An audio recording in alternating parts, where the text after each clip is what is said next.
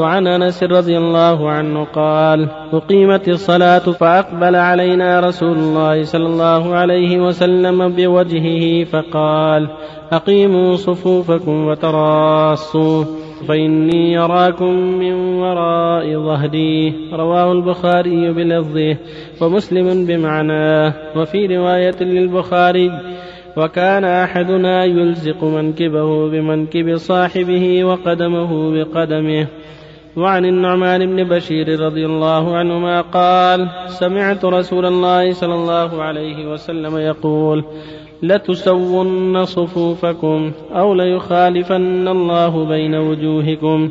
متفق عليه. وفي رواية لمسلم أن رسول الله صلى الله عليه وسلم كان يسوي صفوفنا حتى كأنما يسوي بها القداح. حتى رأى أنا قد عقلنا عنه ثم خرج يوما فقام حتى كاد يكبر.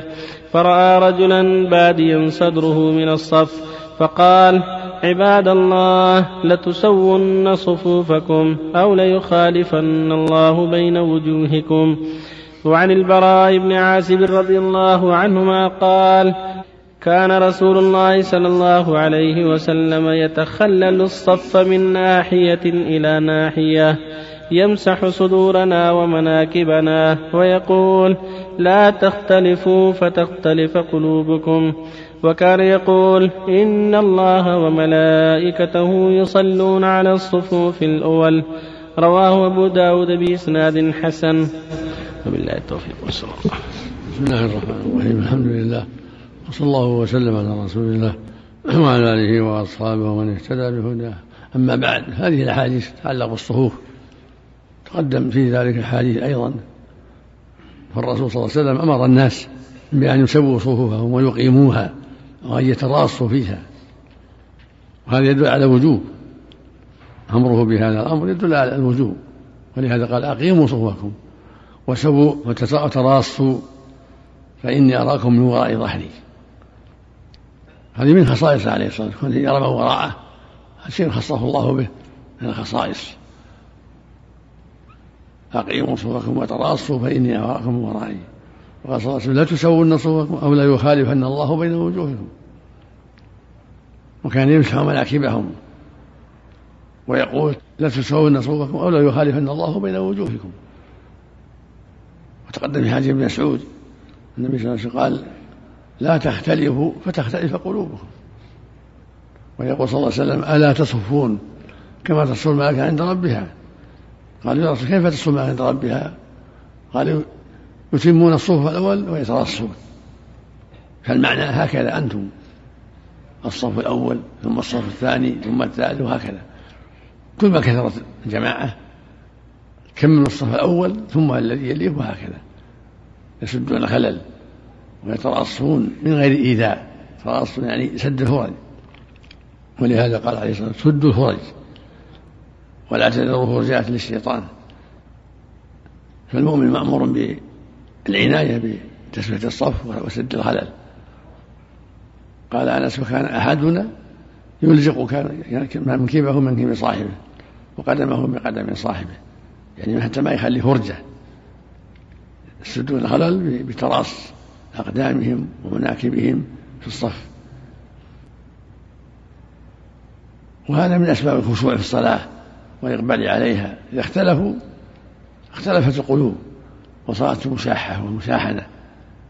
فإذا استووا على نمط واحد صار ذلك أخشع للقلوب وأبعد عن الاختلاف.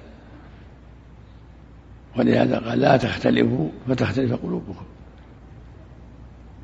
وقال صلى الله عليه وسلم رصوا صفوفكم وتراصوا أقيموا الصفوف وتراصوا.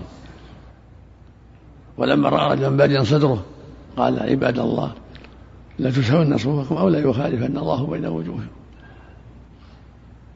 والمرأة إذا أمت النساء كذلك تأمرهم بسد الخلل وإقامة الصف وتقف وسطهم.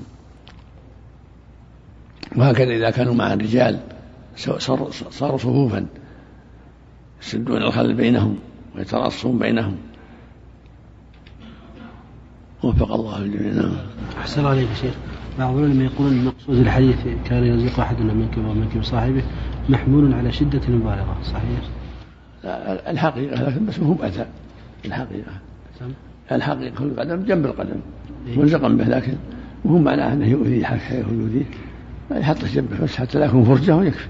هذا سد هذا سد.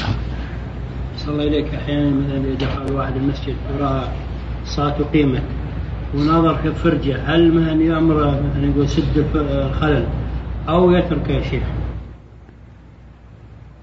يسد الخلل سأله ما مكان يسد الخلل. إذا فرجة يدخل فيها. سام؟ إذا كان فرجة يدخل فيها الذي الذي جاء أخيرا. أحسن الله إليك. ما تأخذ؟ يقارب بينهم يرص بينهم يرص بينهم يرص بينهم حتى تتسع الفرجة لكن ما يقول له سد بلى يقول له يجر شوي بيده ويقول سد الخلل سد الخلل حتى ينتهي الصف ويتيسر له فرجة أوسع جزاك الله خير أحسن الله إليك رواية أبي داود حتى يوخرهم في النار صحيحة؟ لا لا لا حديث عائشة رضي الله عنها لا يزال الرجل يتأخر عن الصف المقدم حتى يؤخره الله في النار إسناده لا بأس به أحسن الله إليك هذا من باب الوعيد أحسن الله إليك. بعض العلماء يقول في تعليق على بعض الكتب يقول لما وضع النبي صلى الله عليه وسلم يده مكان يد عثمان في بيعة الرضوان قال فوضع النبي يده وهي أشرف يد في الوجود. صحيح كلامه؟ أشرف يد في الوجود. يد النبي؟ لا شك. في الوجود. في الوجود إيه. يعني بين الناس. بين الناس يعني. بالنسبة للتصفية يا شيخ نعم. بالنسبة لتصفية الصفوف كما جاء في الأحاديث يعني هل يلزم الإمام آه، يعدل الصفوف قبل أن يدخل في الصلاة؟ يسلم رصوا مثل ما قال نعم. رصوا صفوفكم قالوا تقاربوا نعم. سووا صفوفكم نبهوا.